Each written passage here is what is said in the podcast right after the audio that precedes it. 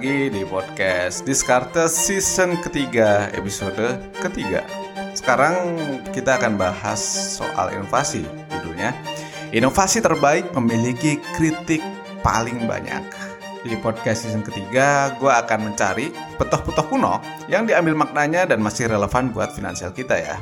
Tokoh-tokoh yang lebih senior daripada kita jelas, kemudian lebih tajir jauh.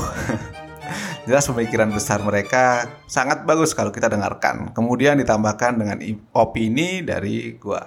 Inovasi bisa dibilang udah gak bisa lepas dari sosok Elon Musk. Ya sekarang yang diangkat giliran pebisnis kalau kemarin kan investor, terus spekulan, terus sekarang adalah pebisnis yang kenaikan harga sahamnya banyak bikin orang mendadak tajir. Ngomongin Elon Musk yang idenya gila, jelas nggak akan lepas dari kritik.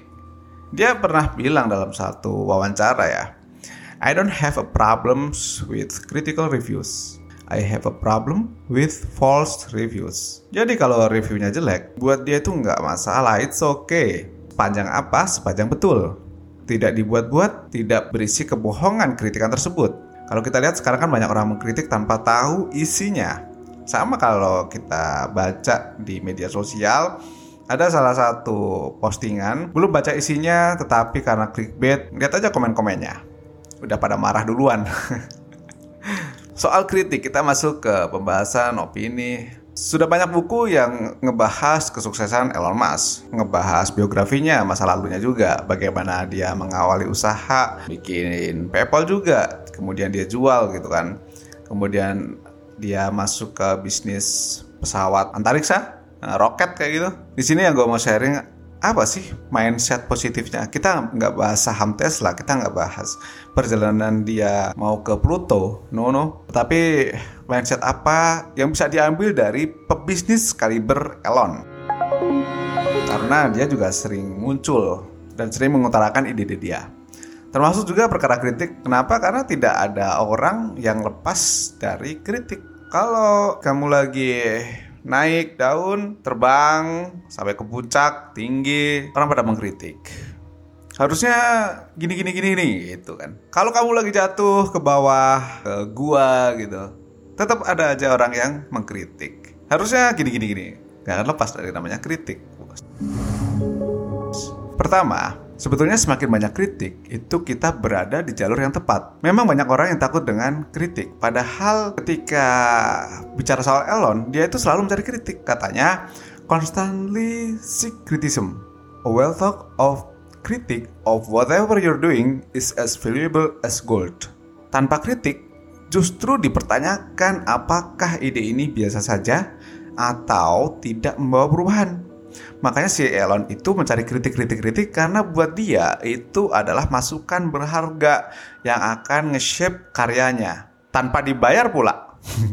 Emang ada orang mengkritik masakanmu terus kamu bayar orang itu? Kecuali kamu mencari kritisem yang profesional gitu kan yang kerjanya memang mengkritik.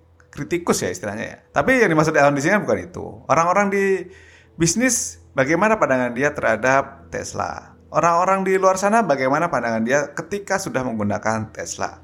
Kritikan-kritikan tadi itu kan nge-shape karyanya. Makanya kata dia, dia akan sangat suka mencari kritik-kritik yang bukan berisi kepalsuan ya, tetapi the real one gitu. Dalam bisnis, Elon juga menanamkan poin kedua ini, yaitu tim yang berkualitas. Apa pun pekerjaannya, kamu akan bisa lebih baik ketika punya tim yang bagus. So, si Elon Musk ini ketika hiring, dia sebisa mungkin untuk langsung uh, menemui atau make sure bahwa orang-orang yang di hire dia itu sesuai dengan kebutuhan dan sesuai dengan apa? visinya. Karena buat dia kalau misalnya ketemu orang yang tidak pas untuk pekerjaan tersebut, itu hanya akan buang-buang waktu, buang-buang tenaga dan buang-buang duit. So buat Elon sangat penting sekali dia itu terlibat. Dan ini menjadi pelajaran juga buat gue ya, ketika akan hiring orang, sebisa mungkin gue harus tahu bagaimana kualitas orang tersebut. Ketika berawal mulai bisnis, kita kan pengennya ya udahlah otomatisasi sekalian gue nggak perlu tahu si A, si B, si C seperti apa. Kita cuma mau tahu hasilnya. Padahal tanpa kita tahu bagaimana kapasitas si A, si B, si C tadi, kita tidak bisa memprediksi hasil. Yang ketiga, pelajaran dari Elon Musk adalah menjaga momentum. Satu hal yang bisa kita dapatkan, si Elon itu kan beberapa kali mencatatkan kesuksesan usaha. Dan dia itu menggunakan kesuksesan yang satu sebagai batu loncatan untuk kesuksesan selanjutnya. Dia tidak berfoya-foya dalam tanda kutip ya. Misalnya sukses nih udah jual uh, suatu perusahaan, tidak langsung ngabisin duitnya. Ya dia membeli beberapa barang bagus, barang mewah, yes. Tapi kan itu cuma berapa persen. Jauh lebih besar yang digunakan untuk merancang bisnis-bisnis selanjutnya. Yang terakhir gua tahu dia itu kan sedang bikin kayak hyperloop ya, mode transportasi yang bisa tembus 700 mil per jam lewat kayak apa terowongan gitu ya, kayak cups gitu. Ini kayak gak pernah tidur nih orang nih. Apa kesimpulan dari obrolan kita sekarang? Menurut gue Elon itu emang sudah melewati norma-norma tertentu ya. workaholic sekali dia. Norma bisnis juga dia terabas dalam artian bukan yang negatif ya, tetapi hal yang tidak biasa dilakukan oleh bisnis konvensional. Tesla ini kan harganya lumayan. Dia menjual itu langsung, direct, tidak menghabiskan banyak uang untuk showroom yang terlalu wow gitu, tetapi direct untuk cost reduction.